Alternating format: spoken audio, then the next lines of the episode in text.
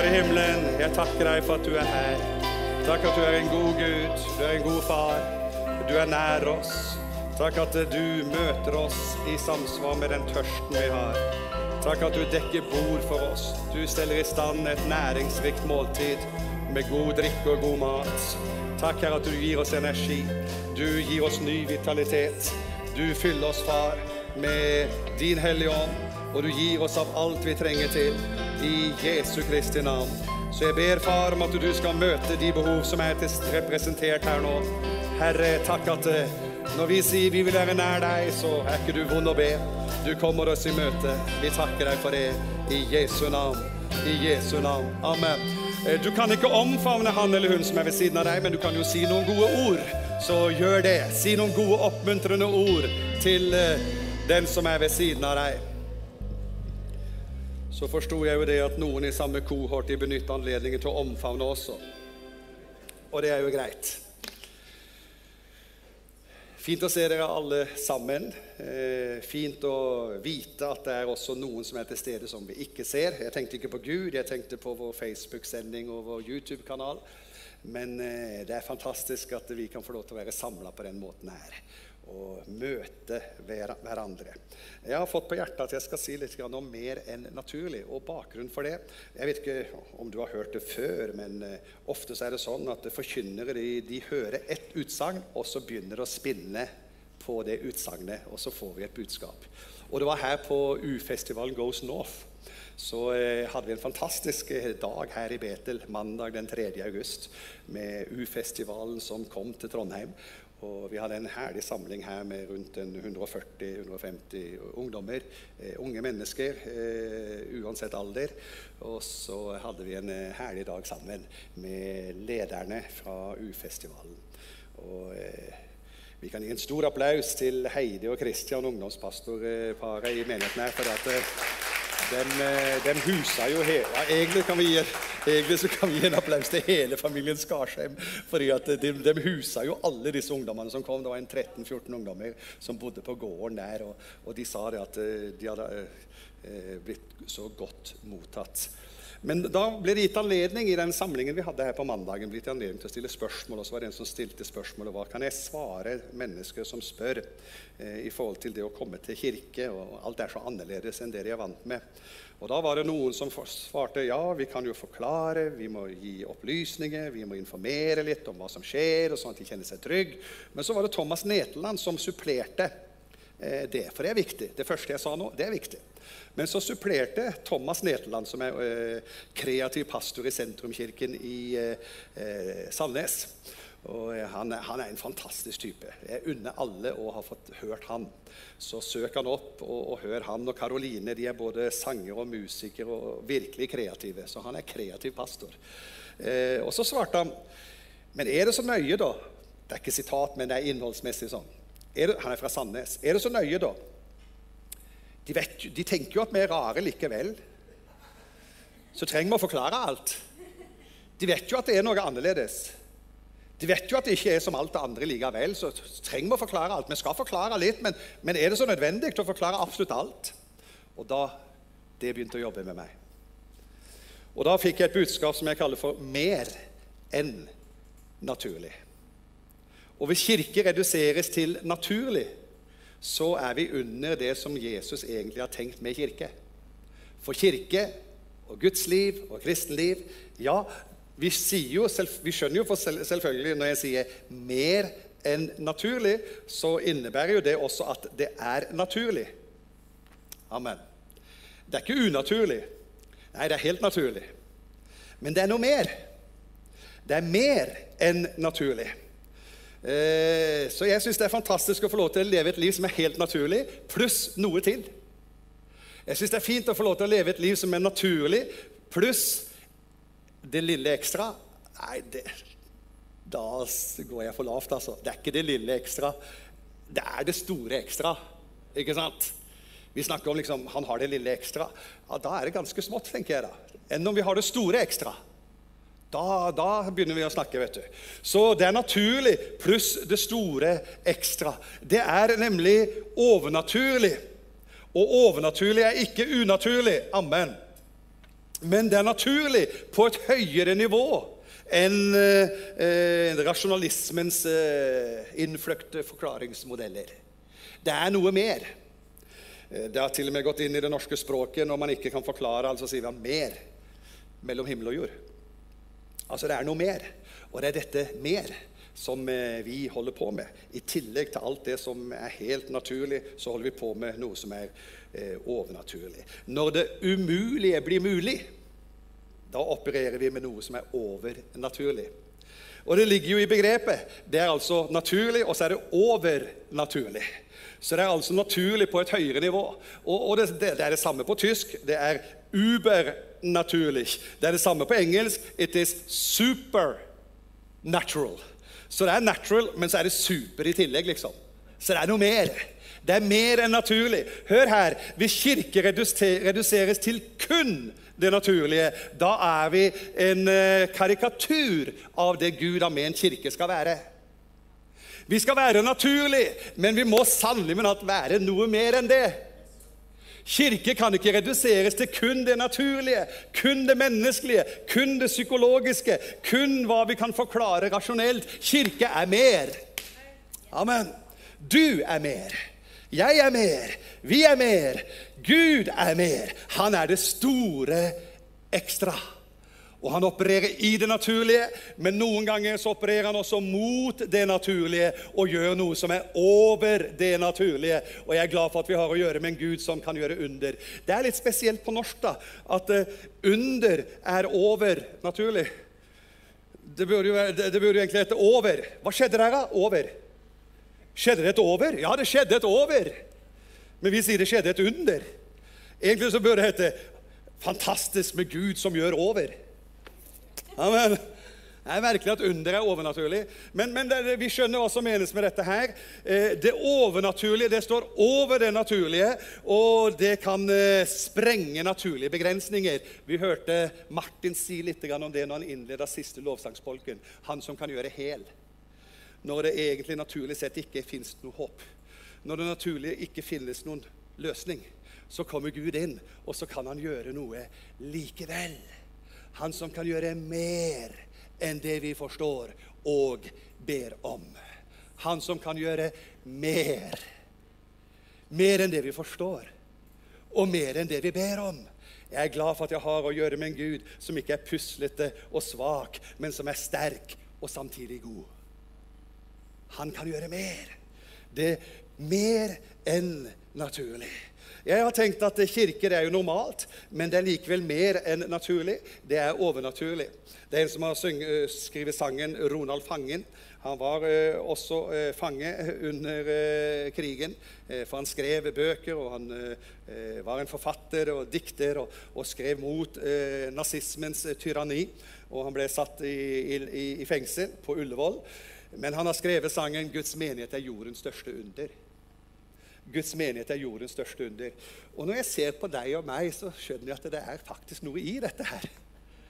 For det er jo helt utrolig at Betel består etter 100 år. For du verden hvor mye denne kirken har gått gjennom. Men vi er nå her. Det er Gud. Det er dette mer. Gud som er trofast, og som jobber med oss og tar bort noen kanter her og sliper litt der og, og føyer oss sammen. Og vi kan si vi, av hjertet ja, vi er så glad i hverandre. Og det kan vi si helt ekte og helt sant og helt ærlig uansett personlighet. Til og med kan dere si til meg, som er sånn som jeg er, vi elsker deg, pastor Frank. Tenk at det er mulig. Det er på grunn av Gud som er dette mer. For i det naturlige så har dere tenkt hva er det han holder på med? Nei, men vi lever i det naturlige, men også det overnaturlige. Jeg tenker kirke uten rom for undring er antageligvis også kirke uten rom for under. Vi må tro på underets innslag i kirkens liv, i ditt og mitt liv. For Gud er en som sprenger begrensningene i det naturlige, og han kan gjøre mer.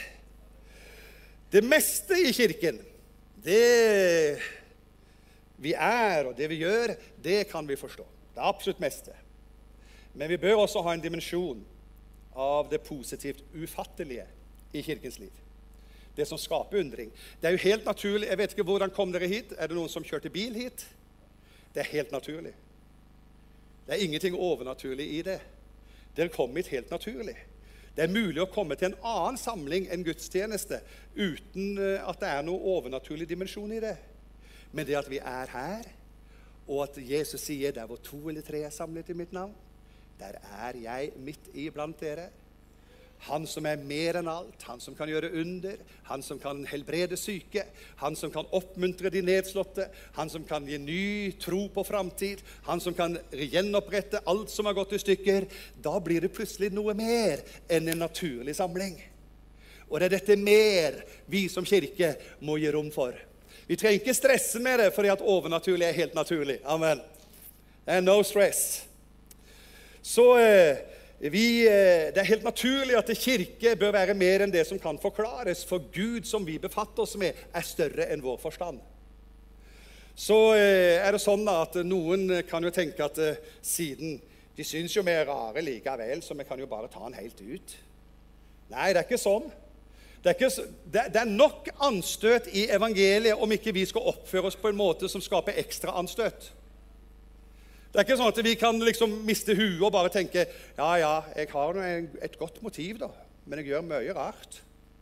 Nei, det er ikke sånn at uh, undring og, og, rom for dette mer det er ikke legitimitet til at vi skal provosere og oppføre oss tåpelig og merkverdig og utsette oss for legitim kritikk.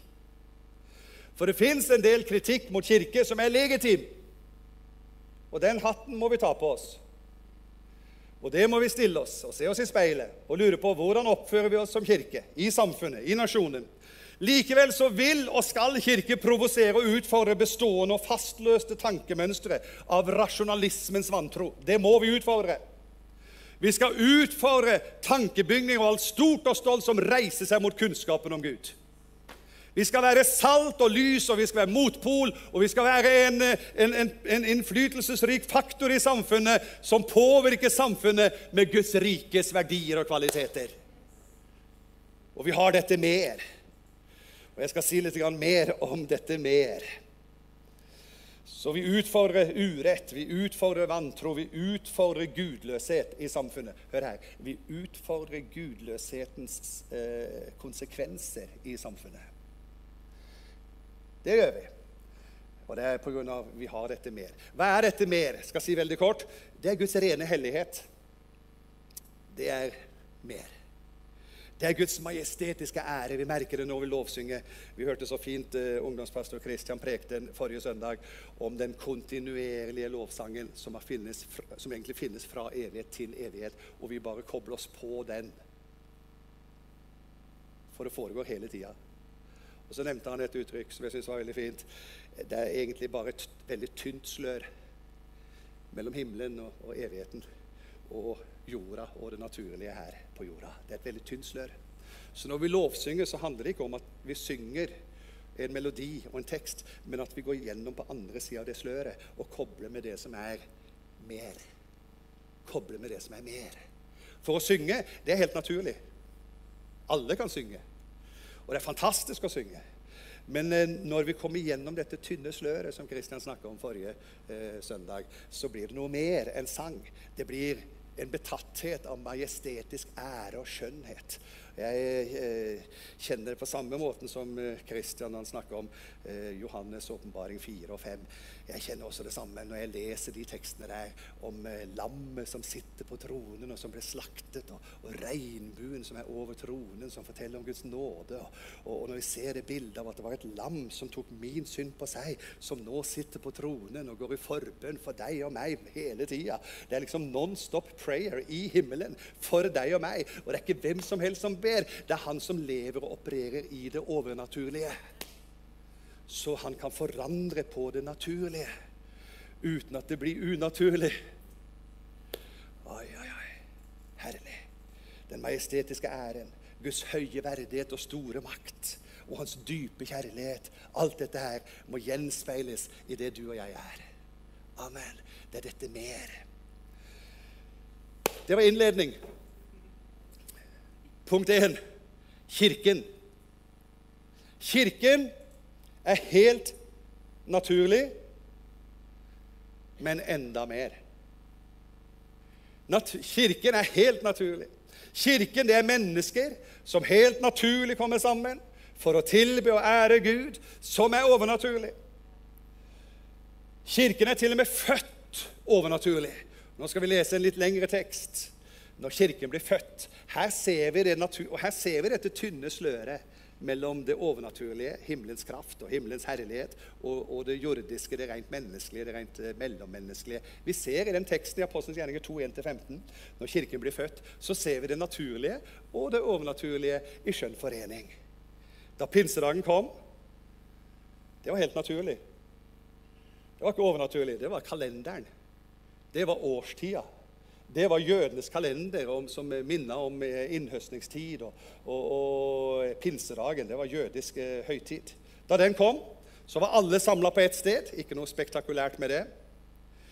Men så kom det noe overnaturlig. Plutselig lød det fra himmelen som når en kraftig vind blåser. Og lyden fylte hele huset hvor de satt. Og så kom det noe som faktisk er litt spektakulært. Tunger som av ild viste seg for dem delte seg og satte seg på hver enkelt av dem. Da ble de alle fylt av Den hellige ånd, og de begynte å tale. Å begynne å tale, det er ikke noe overnaturlig ved det. Men de talte på språk de ikke hadde lært. Da er det noe overnaturlig. Da er det mer enn naturlig. Å snakke er naturlig, eh, men eh, når du snakker på språk du ikke kjenner og ikke har lært, da er det overnaturlig. Så eh, i Jerusalem så, ja, de, de, de ble fylt eh, av Den hellige ånd. De talte på andre språk ettersom ånden ga dem å forkynne. I Jerusalem bodde det fromme jøder fra alle folkeslag under himmelen. En stor folkemengde stimlet sammen da de hørte denne lyden. Det er helt naturlig. Altså Hvis det brenner på Bryggen i, i, i, Trondheim, de som er i nærheten der, de stimler sammen. Det er helt naturlig. Ikke noe overnaturlig. Men det som skjedde, som gjorde at de stimla sammen, det var overnaturlig. Så det er naturlig og overnaturlig hånd i hånd. Eh, og, og, det ble stor forvirring. Og så kommer det For hver enkelt hørte sitt eget morsmål bli talt. Det er det som vi kaller for et språkunder. Og det står i motsats til Babels under, hvor det motsatte skjedde. At det ble så mange språk at ingen forsto. Her er det så mange språk, og Gud gir sine disipler språk slik at folk kan forstå. Det motsatte av Babel. I Babel så var det språkforvirring. Her blir det språkforståelse. Og det gjør at eh, evangeliet blir forkynt på deres språk, så de forstår. Forskrekket og forundret spurte de er det ikke galileere, alle disse som taler. Hvordan kan da hver enkelt av oss høre sitt eget morsmål? Vi er parter og medere og elamitter og trøndere og folk Nei, det står det visst ikke. Folk som bor i Mesopotamia, Judea og Kappadokia i Pontus og Asia, Frygia og Pamfylia, i Egypt og i Libya, området mot Kyrene, innflyttere fra Roma, altså italienere, jøder og proselytter, kretere og arabere, og vi hører dem tale om Guds storverk. Det er overnaturlig. På våre egne tungemål. Det er også overnaturlig. De visste ikke hva de skulle tro, og forvirret spurte de hverandre hva er dette for noe. Men jo, noen gjorde narr av dem. Det er naturlig. Det må du regne med av og til når du står opp for noe som er rett og riktig, så kan du regne med litt motstand. Noen gjorde narr av dem og, og, sa de tenkte rasjonelt. De har drukket seg fulle på søt vin. Det var deres rasjonelle forståelse av det som skjedde. Men da steg Peter fram sammen med de elleve. Han hevet stemmen og talte til dem. Jødiske menn og alle dere som bor i Jerusalem, merk dere hva jeg sier, og lytt nøye til mine ord. Dis og så begynner han egentlig å forklare helt naturlig. Disse er ikke fulle som dere tror. Det er jo ikke noe overnaturlig. Han begynner å argumentere. Vet du hva han sier? Det er jo bare den tredje time på dagen. Hadde det vært litt seinere, så skulle jeg forstått det, men det er for tidlig. Det er jo det han sier. Dere kan jo ikke tro det, at vi er fulle på søt vin. Har dere ikke skjønt det? da? Må jo se på klokka, se på sola. Det er jo bare den tredje time på dagen. Så han forklarer helt naturlig. Men så begynner han å forklare det overnaturlige. Nemlig han går til profeten Joel så sier han, dette er det som profeten Joel har sagt så begynner han å forklare det overnaturlige. Kirken er født overnaturlig. Punkt to bli frelst. Det er jo egentlig helt naturlig, men eh, det er mye mer. Det er jo ganske naturlig hvis mennesker holder på å drukne, at de ønsker å bli frelst. Det er ikke noe overnaturlig ved det. Det er instinkt. Det er intuitivt. Hvis man holder på å drukne, så er det ganske naturlig at man roper 'hjelp'. Det, det, er ikke noe overnaturlig. Det er helt naturlig at mennesker som holder på å drukne, de vil bli berga. Det et, det er et naturlig ønske i oss. Så er det jo sånn at uh, vi trenger å se at vi holder på å drukne, og det er overnaturlig. Det er Den hellige ånd som overbeviser om synd og rettferdighet om dom. altså Den hellige ånd som virker på oss, så vi ser at vi trenger hjelp. Vi trenger å bli frelst. Eh, noen tenker at det å bli frelst det er ganske vanskelig. Men eh, det er ikke vanskelig å bli frelst. Det er, det er verre enn det. det er, det er helt umulig å bli frelst. Så da trenger vi en Guds overnaturlige gjerning eh, for å bli frelst. Det er mer enn naturlig. Det er et naturlig ønske, men eh, det er enda mer enn det. Vi trenger en overnaturlig inngrep fra Gud. Romerbrevet 8, 3-6 sier det som var umulig for loven Altså, Det var ikke sånn vanskelig for loven, men det var helt umulig. Det som var umulig for loven, siden den sto maktesløs, for vi er sånn som vi er, av kjøtt og blod, så står det 'det gjorde Gud'. Så det er Gud som gjorde det. Da er det overnaturlig. Det er Guds inngrep. Det er Gud som griper inn og gjør noe som egentlig ikke er mulig. Og så står det at hvordan han gjorde det. Han sendte sin egen sønn som syndoffer. Og Måten Jesus kom på, er jo også helt naturlig. Han ble født av en dame, han òg. Er det noen som har blitt født av noe annet enn damer her? Nei, det er helt naturlig. Jesus òg ble født av en dame. Helt naturlig. Men samtidig så var det overnaturlig, for det var før Josef og hun hadde kommet sammen. Det står slik skjedde det da Jesus ble født. Før Maria og Josef hadde kommet sammen, ble hun gravid. Og så står det 'unnfanget ved Den hellige ånd'. Det er overnaturlig. Men at han ble født av Maria Han ble født så naturlig at han til og med ble født nesten midt i naturen. Noen tenker at eh, han ble født i en stall som var bygd opp nesten som en norsk låve og, og, norsk fjøs. Nei, eh, det er noen som egentlig mener at han ble født i en grotte. Altså Han ble født ute i naturen, omgitt av, eh, av dyr. Og det vet vi, at han var omgitt av dyr. Det vet vi, For det sier katolikkene. Så da er det sånn. De sier også at de tre vise menn heter Jesper, Kasper og Jonathan eller noe lignende. Nei, det var vel noe annet. Det som var umulig for loven, siden den står maktesløs, det gjorde Gud. Og så står det hvordan. Han sendte sin egen sønn som syndoffer. I eh, samme slags kjøtt og blod som oss syndige mennesker.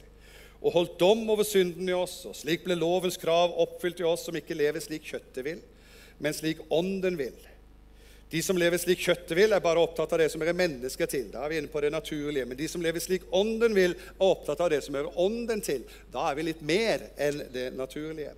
For det kjøttet vil, er død, men, og, og, og, det er naturlig. Men det ånden vil, det er liv og fred. Det er mer enn det naturlige. Og så sier Johannes, eh, når han siterer Jesus og samtalen med Nikodemus i kapittel 3 Jesus svarte Nikodemus, sannelig, sannelig, jeg sier deg, den som ikke blir født på ny, det er jo overnaturlig. At vi blir født mer enn én gang. Hvor mange er som er født én gang? Ja, jeg ser dere er født. Alle sammen er født én gang. Men her snakker Bibelen om at du blir født en gang til. Det er jo mer enn naturlig.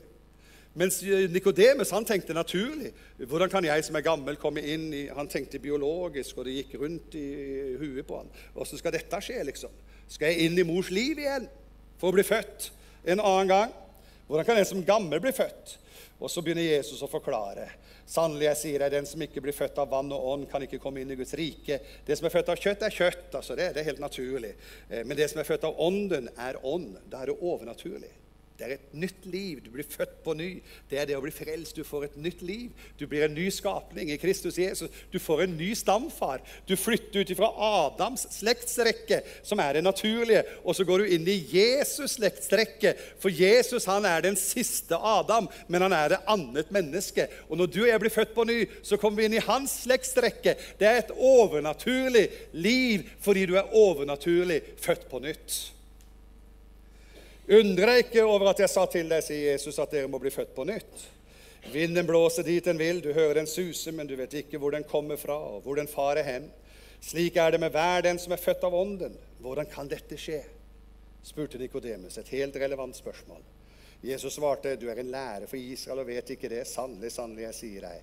Vi taler om det vi vet, og vitner om det vi har sett, men dere tar ikke imot vårt vitneutsagn. Hvis dere tror, hvis dere ikke tror når jeg taler til dere om det jordiske, altså helt naturlige ting Hvis dere ikke engang tror det, hvordan skal dere da tro om det som er det himmelske, altså det overnaturlige?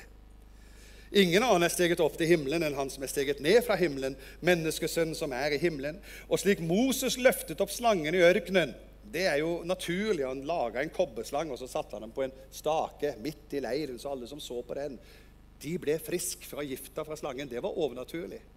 Ser du, det går så hånd i hånd det naturlige og det overnaturlige. Vi trenger mer av den overnaturlige dimensjonen i vår tenkning. Menneskesønnen som er i himmelen, skal også løftes opp, sånn som Moses løftet opp slangen i ørkenen. Slik må menneskesønnen bli løftet opp, for at hver den som tror på ham, skal ha evig liv. Det er mer enn naturlig. Det er Guds type liv. Det er overnaturlig. Du er født på nytt, fått et nytt liv. For så høyt har Gud elsket verden, at han ga sin sønn den enbårne, for at hver den som tror på ham, ikke skal gå fortapt, men ha evig liv. Kirke er naturlig, men mer.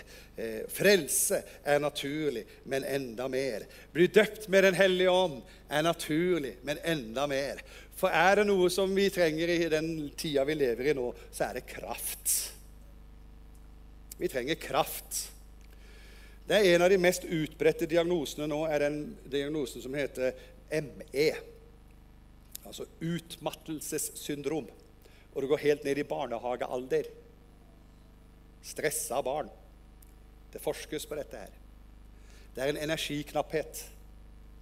Folk mister livsmot, folk mister livskraft, folk, folk, mister vitalitet. Folk mister tro på framtid, folk mister håpet. Og når håpet er ute, ja, da er livet på mange måter uten energi og kraft.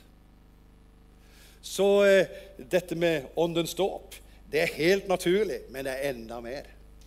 Det er helt naturlig at vi trenger kraft. Det er helt naturlig at vi vil ha kraft. Det er helt naturlig at vi vil ha ren kraft. Amen. Det er naturlig å ønske energi og vitalitet, men å bli døpt med Den hellige ånd er overnaturlig. Det vi får i den dåpen i Den hellige ånd, det er kraft, men vi får også kjærlighet og sindighet. Jeg vil si litt om de tre tingene der. Men først Apostelens gjerninger 1,8.: Dere skal få kraft når Den hellige ånd kommer over dere. Amen. Hvis du kjenner på kraftmangel, så be om å få Den hellige ånd i en fornya dimensjon over ditt liv. Be om å bli døpt med Den hellige ånd. Be om å bli full av Den hellige ånd. Hvis du kjenner at du er litt sånn slapp i fisken, hvis du kjenner at det er litt sånn tørketid, hvis du kjenner at det er litt manglende vitalitet i ditt trosliv og i din kropp og i din sjel, så be 'Herre, fyll meg med Den hellige ånd', for jeg skal få kraft når Den hellige ånd kommer over dere. Amen. Halleluja. Jeg holder på å snekre hus og greier, og jeg kjenner at det er noe jeg trenger, så er det kraft. Jeg driver og snekrer uh, både levegg og balkonger og greier, og naboene syns det er så moro at pastoren holder på med ting han ikke kan. Så, uh, men, men, jeg har, har det moro sjøl. Jeg, jeg, lurer på hver gang når jeg har holdt på en hel dag sånn, så lurer jeg på åssen klarte jeg det. For når jeg kom inn, så er jeg helt skutt. Det var nesten som jeg fikk kraft når jeg trengte det. Men når jeg ikke trengte det, så var det over. Da, da var det ikke mye kraft igjen. Da var liksom, oh. Men det er også litt positivt med det, for det, det vekker Ingrids empati.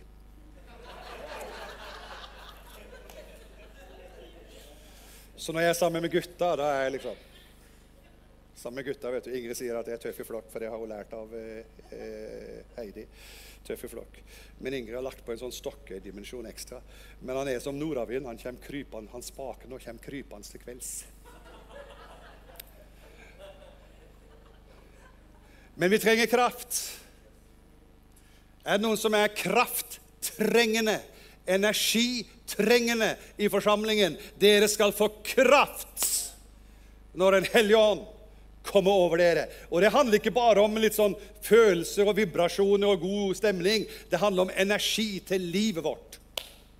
Og Det handler ikke bare om det åndelige, det handler om kropp og sjel og ånd. Det handler om hele mennesket. For Gud samler ikke på ånder, på flasker. Nei, han bryr seg om hele mennesket. Så når Gud sier dere skal få kraft, så handler det om kraft til ånd og sjel og kropp. For det er livet som vi skal leve. For livet kan mange ganger være utfordrende og energitappende. Og vi vet jo det at når vi tappes for energi, da må vi fylle på ny energi. Dere skal få kraft når Den hellige ånd kommer over dere. Det er en overnaturlig dimensjon av Guds kraft inn i våre liv. Og så skal vi gjøre en jobb pga. at vi har fått kraft. 2. Timoteus sier derfor minner jeg deg. 2. Timoteus 1,6. Jeg minner deg om å vekke Guds nådegave til live, den som er i deg, ved at jeg lar hendene mine på deg. Å legge hendene på mennesker, det er naturlig. Det skal vi ikke gjøre i koronatimen. Eh, vi skjønner hva som menes. Det er jo helt naturlig. Men det som flyter gjennom det, den kraftsoverføring som skjer når vi legger hendene på mennesker og ber til Gud for mennesker, det er overnaturlig. Så vi ser det henger i hop. Hendene dine er helt naturlig, men på de syke skal de legge sine hender, og de skal bli helbredet. Det er overnaturlig. Så eh, Gud gir oss ikke motløshetens ånd, men kraftens og kjærlighetens og sindighetens ånd. Kraft, kjærlighet og sindighet det er noe vi trenger i et overnaturlig eh, menighetsliv. Det trengs kraft for overnaturlige gjerninger. Og så trengs det sindighet for å forholde seg til sunn tanke om naturlig begrensning. Eh, det er nøkternt og klokt og naturlig å tenke at hvis jeg hopper her, så rykkes jeg ikke opp. Jeg trekkes ned. Det er naturlig. Det blir helt overnaturlig når Jesus kommer igjen, for da blir det ikke Jesus som ramler ned, men vi som rykkes opp. Det er overnaturlig. Men eh, vi trenger en nøktern innstilling til naturlige begrensninger. Det fins fysiske lover. Vi kan ikke gå gjennom veggen. Selv om jeg så en utrolig film på dobbel 60-årsdag av barnebarna til broren min og svigerinna mi her på sist lørdag da vi var i Holmestrand, så har de laga en film hvor barna de gikk, de gikk mot veggen. Og så Plutselig så lå klærne deres smelt inn mot veggen, og barna var borte. Og, barna raml, og, og, og, tøyet ramla ned på gulvet og lå som en, lå som en haug utafor her. Og så så dem plutselig på andre sida av veggen, eh, nakne. Det var filmtriks. Så, så, så, de fysiske lovene gjelder fortsatt. Hvis du går på veggen, så går du bokstavelig talt på veggen. Hvis du går gjennom veggen, da tror jeg allerede Jesus har kommet tilbake igjen. Da er vi i den dimensjonen hvor han gikk gjennom stengte dører. Det er overnaturlig. Men sindighet gjør at vi forholder oss klokt og sindig og fornuftig til naturlige begrensninger. Og jeg tror kjærligheten binder kraften og sindigheten sammen. Kjærligheten er bindemiddelet mellom det overnaturlige og det naturlige. Det er usunt, tror jeg, da, å kun forholde seg til kraft. Eh, jeg er litt skeptisk til at hvis, hvis vi skulle bli sånne der karismatiske kraftjunkies som må reise til det ene etter det andre for å få kraft Jeg tror kraften er tilgjengelig i vår hverdag. Amen. Der hvor livet leves, er kraften tilgjengelig. Den hellige ånd er i deg og med deg og over deg og gjennom deg. Selvfølgelig kan vi komme dit og dit og dit og bli inspirert, men vi må passe oss så vi ikke blir sånne kraftjunkies som bare er ute etter det spektakulære. Å, der skjer det noe voldsomme greier. Ja, la det skje noe voldsomme greier, men samtidig så har vi en trygghet og en sindighet at Gud elsker meg hele tida uansett. Jeg trenger ikke å opptre merkelig og, og, og, og, på en spesiell måte, liksom. Og, søke der og søke der. uh, Først til Jerusalem, og så til fjellet Garisim i Samaria. Og hvor er Gud? Hvor er Gud? Hvor er Gud? Opp oppe i himmelen. Vi må hente han, ned, hente han opp. Nei, han er nær. Han er der hvor du er. Det er tilgjengelig. Non-stop. Non-stop tilgjengelig. Amen. Kraft ifra himmelen tilgjengelig hele tida. Så uh, jeg tror det er usunt å kun forholde seg til kraften, for ofte Jeg, jeg er jo nå snart 60, men det tar en tid ennå. Men jeg har gjort meg noen erfaringer, og jeg har fulgt med på kristenheten, og jeg har sett at det er altfor mange kraftjunkies som eksploderer og blir utbrent.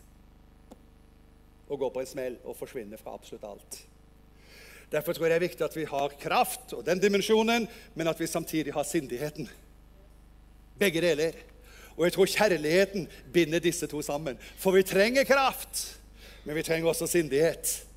Og så trenger vi at kjærligheten balanserer disse to, så det blir sunt. Jeg tror også det er usunt å kun forholde seg til sindigheten. Å ja, vi er så sindige. Og vi har null energi og null kraft og null spektakulær og null overskudd og null eh, overnaturlig, men vi er jo så sindige.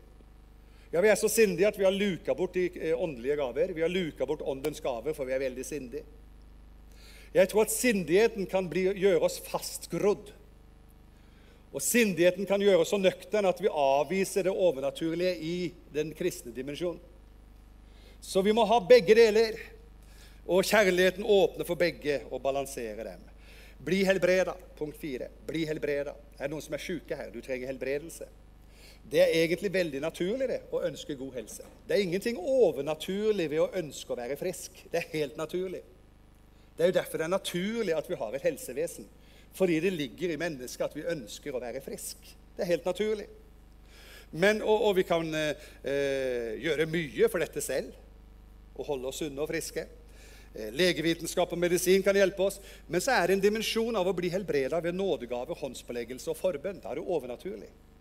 Og 1. Korinterbrev sier i 12,9 en annen får nådegaver til å helbrede. Og Jesus sier disse tegn skal følge den som tror. Når de legger hendene på syke, skal de bli friske. Legge hendene på syke er naturlig. Det som skjer, er overnaturlig. Bli friske. Amen. Er det noen som er syke, som ønsker å bli friske? Ja, men da skal vi be at du skal bli frisk. Er det noen som har kraftmangel, som trenger, å, jeg trenger kraft? Ja, men da skal vi be at Den hellige ånd skal komme over deg. Er det noen som kjenner det at eh, ja, jeg trenger faktisk dette nye livet, dette overnaturlige livet, jeg trenger å bli født på nytt? Ja, men Da skal vi be at det skal skje. Du kan ta imot dette her. vet du. Det er overnaturlig, men det er helt naturlig. For naturlig fins i overnaturlig. Det siste, punkt fem. Livet med Gud. Altså hele livet med Gud. Det er naturlig. Men det er enda mer. Vi spiser, vi drikker, det er naturlig, vi er i denne verden, vi er fysisk til stede her. Helt naturlig. Men så er det overnaturlig at vi ikke er av verden. Men vi er i verden. Vi er plassert med Kristus i himmelen for et oppdrag her på jorda.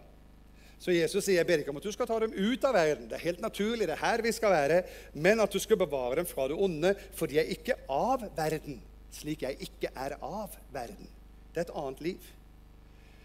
Paulus sier i Galaterbrevet lever vi ved Ånden, så la oss også vandre i Ånden. Det er et, annet, det er et helt liv, dette her. Det er ikke søndag klokka 11, liksom. Det er livet vårt. Hele livet, som er et overnaturlig liv i den naturlige hverdag. La oss ikke være drevet av tom ærgjerrighet, så vi utfordrer og misunner hverandre.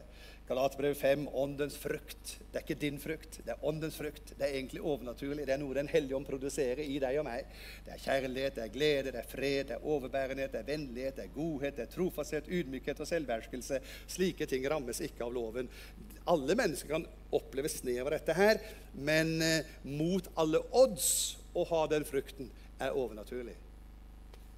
Når alt i deg egentlig tenker at 'Jøss, skal sannelig men så er det noe inni her som sier Jeg vil velsigne deg. Jeg vil tale godt om deg. Jeg vil forsvare deg. Jeg vil støtte deg. Jeg vil hjelpe deg. Det er åndens frukt. Det er overnaturlig. Mot naturens orden. Mot det menneskelige naturlige som jeg skal, jeg skal sannelig hevde. Jeg skal vise dem. Nei, selvhevdelse, det er ikke åndens frukt. Men eh, det som jeg leste her til slutt, 2. Korinterbrev 4, 16-18 sangerne og musikerne kan komme fram med. Derfor mister vi ikke motet. For selv om vårt ytre menneske går til grunne, det er det naturlige, blir vårt indre menneske fornyet dag for dag. De trengslene vi nå må bære, de er lette, og de skaper for oss en evig rikdom og herlighet som veier uendelig mye mer. Det er den overnaturlige dimensjonen. Vi har ikke det synlige for øyet, men det usynlige. Å se det usynlige er overnaturlig. Vi kan egentlig ikke se det usynlige, men vi har det usynlige for øyet. For det synlige tar slutt. Det usynlige er evig. Skal vi reise oss, og skal vi prise Jesus.